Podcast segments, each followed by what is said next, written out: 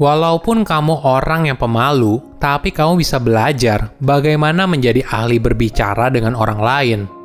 Halo semuanya, nama saya Michael. Selamat datang di channel saya, Sikutu Buku.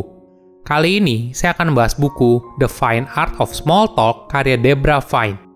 Sebelum kita mulai, buat kalian yang mau support channel ini agar terus berkarya, caranya gampang banget. Kalian cukup klik subscribe dan nyalakan loncengnya. Dukungan kalian membantu banget supaya kita bisa rutin posting dan bersama-sama belajar di channel ini. Buku ini membahas bagaimana cara menjadi ahli dalam memulai, melanjutkan, dan mengakhiri percakapan dengan siapa pun, tidak peduli apakah kamu orang yang pemalu atau bukan. Obrolan ringan terjadi di banyak bagian kehidupan, mulai dari naik lift dengan rekan kerja hingga pertemuan dengan orang asing. Meskipun sebagian orang menganggap obrolan ringan sebagai percakapan yang tidak berguna, namun hal ini ternyata perlu untuk membangun hubungan, mengembangkan persahabatan, romansa, dan koneksi bisnis. Selain kelebihannya, bagi sebagian orang, ide untuk ikut serta dalam obrolan ringan bisa membuat mereka menjadi tidak nyaman. Alih-alih melihat percakapan tersebut sebagai peluang, ketakutan ini membuat orang itu sulit terlibat dalam obrolan ringan, sehingga mereka memilih untuk menghindarinya dan kehilangan peluang. Namun, tenang saja, Keahlian ini bisa dipelajari oleh semua orang, tanpa melihat apakah kamu orang yang mudah bergaul atau pemalu. Saya merangkumnya menjadi tiga hal penting dari buku ini. Pertama, mahir dalam obrolan ringan bisa dipelajari. Orang yang pemalu kebanyakan berpikir, jika mereka tidak lahir secara alami dengan kemampuan komunikasi yang baik, maka mereka tidak akan pernah bisa melakukan percakapan yang lancar dengan seorang, apalagi orang asing. Namun perlu disadari, setiap orang tidak mewarisi sifat untuk ahli dalam obrolan ringan. Oleh karena itu, penting untuk mengesampingkan kepercayaan itu dan merangkul pemahaman baru tentang obrolan ringan. Kamu harus sadar kalau obrolan ringan adalah kemampuan yang bisa dipelajari. Tentu saja, setiap orang berbeda dan beberapa orang secara alami dapat beradaptasi dengan keadaan sosial lebih baik daripada orang lain. Namun, kebanyakan orang masih perlu meningkatkan kemampuan bicara mereka.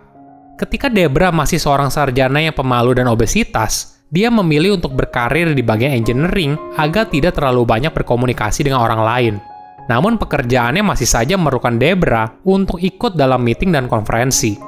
Kejadian ini menimbulkan kecemasan dalam dirinya. Pada situasi tersebut, Debra akan masuk ke dalam mode autopilot, berusaha untuk berkomunikasi dengan orang lain dan menanyakan tentang pekerjaan mereka, namun tidak lama kemudian, percakapan itu menjadi garing setelah beberapa menit. Semua berubah ketika Debra berusia 40 tahun. Dia dan suaminya memutuskan untuk berpisah. Saat itu, Debra baru sadar kalau yang menahannya selama ini adalah berat badan dan persepsi diri negatif. Dia juga sadar kalau dirinya harus berubah apabila dia ingin bertemu dengan orang baru.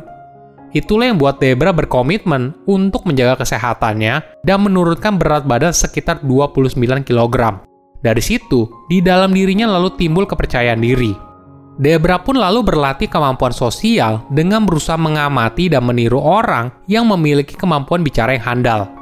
Di sebuah bar pada suatu malam, temannya meyakinkan Debra untuk mendekati seorang pria yang telah bertukar pandang dengannya tapi tidak pernah mendekatinya. Pria bernama Rex itu sangat senang saat Debra memperkenalkan dirinya. Percakapan mereka lalu mengarah pada persahabatan yang erat, dan pada waktunya, Rex mengungkapkan sesuatu yang mengejutkan, kalau dia tidak berani mendekati Debra pada malam itu di bar karena dia terlalu pemalu. Pengakuan ini membuat Debra sadar kalau rasa tidak percaya diri ini bukan hanya ada pada dirinya yang dulu, tapi orang lain juga berjuang hal yang sama. Jika saja Debra tidak berusaha menghampiri Rex, maka tidak akan ada persahabatan yang mereka bangun. Kedua, cara memulai obrolan ringan.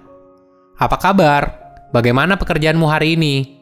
Pertanyaan ini pasti sering kali kita dengar atau bahkan kita tanyakan kepada orang lain.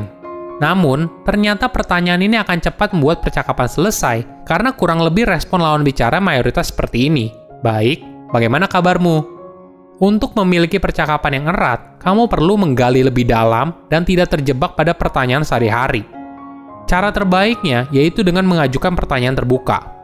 Pertanyaan terbuka menunjukkan kepada lawan bicara kalau kamu benar-benar peduli dengan apa yang mereka katakan. Misalnya seperti ini, apa pendapat kamu tentang film ini? Kalau dia bilang bagus atau jelek, lanjut lagi ke pertanyaan. Bagian mana yang kamu suka atau tidak sukai? Dengan pertanyaan ini, maka kamu akan buat percakapan tidak cepat garing dan menjadi dinamis. Namun perlu diingat, ketika berbicara, kamu juga harus perhatikan bahasa tubuh mereka. Apakah mereka nyaman atau tidak dengan pertanyaan yang kamu ajukan? Apabila mereka tidak nyaman, maka kamu harus menghargainya dan berbicara topik yang lain. Saat melakukan obrolan ringan, pasti akan ada saat di mana percakapan berubah menjadi keheningan yang canggung.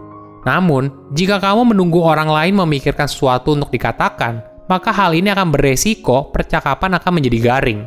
Sebaliknya, ketika mulai muncul keheningan yang canggung, maka ambil kendali dan kembalikan percakapan ke alur yang nyaman. Selain menggunakan pertanyaan terbuka, Debra memberikan saran formula form, yaitu family, occupation, recreation, and miscellaneous. Kamu bisa bicara soal keluarga, pekerjaan, hobi, atau kategori yang lain. Di kategori miscellaneous, kamu bebas berkreasi apa yang ingin kamu tanyakan, tergantung di mana kamu berada dan dengan siapa kamu bicara.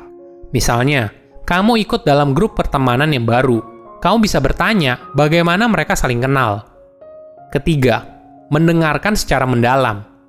Pernah nggak kamu lagi cerita, lalu merasa lawan bicara kamu kok nggak mendengarkan? Jika pernah, kemungkinan besar hal ini akan membuat kamu merasa frustasi dan bahkan mungkin tersinggung. Agar percakapan berjalan lancar, kedua belah pihak perlu merasa dipahami, dihargai, dan yang terpenting, didengarkan. Artinya, selain harus aktif berpartisipasi dalam percakapan, kamu juga perlu menjadi pendengar yang aktif. Terkadang, walaupun secara alami kamu mendengarkan dengan cermat, tapi kamu harus memastikan bahwa lawan bicara kamu merasakan hal yang sama, merasakan kalau dia didengarkan. Salah satu caranya yaitu dengan menggunakan bahasa tubuh. Hindari menyilangkan lengan, membungkukkan bahu, atau mengotak-atik pakaian, rambut, atau perhiasan saat orang lain bicara.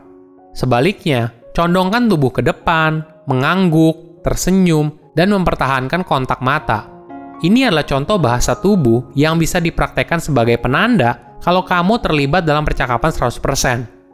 Debra mencontohkan sebuah kisah dari seorang anak berumur 8 tahun bernama Nicholas. Suatu hari, ketika pulang sekolah, Nicholas bercerita kepada ayahnya tentang apa yang dia jalani seharian. Dia bercerita kalau dirinya menggambar gunung di kelas seni, mencetak gol saat kelas olahraga, dan makan pizza. Tapi, Nicholas kesal karena ketika dia bicara, ayahnya mendengarkan sambil membaca koran. Walaupun ayahnya berhenti membaca dan mengulang isi pembicaraan Nicholas, tetap saja dia kesal. Ini yang harus kita pahami. Ketika kita bicara dengan orang lain, kita tidak hanya ingin agar pembicaraan kita didengar sepenuhnya, tapi kita juga ingin adanya hubungan yang nyata saat percakapan itu terjadi. Dalam berbicara dengan orang lain, yang paling penting adalah bagaimana kamu membuat mereka merasa dihargai dan didengarkan. Silahkan komen di kolom komentar pelajaran apa yang kalian dapat ketika baca buku ini. Selain itu, komen juga mau buku apa lagi yang saya review di video berikutnya. Saya undur diri, jangan lupa subscribe channel YouTube Sikutu Buku. Bye bye.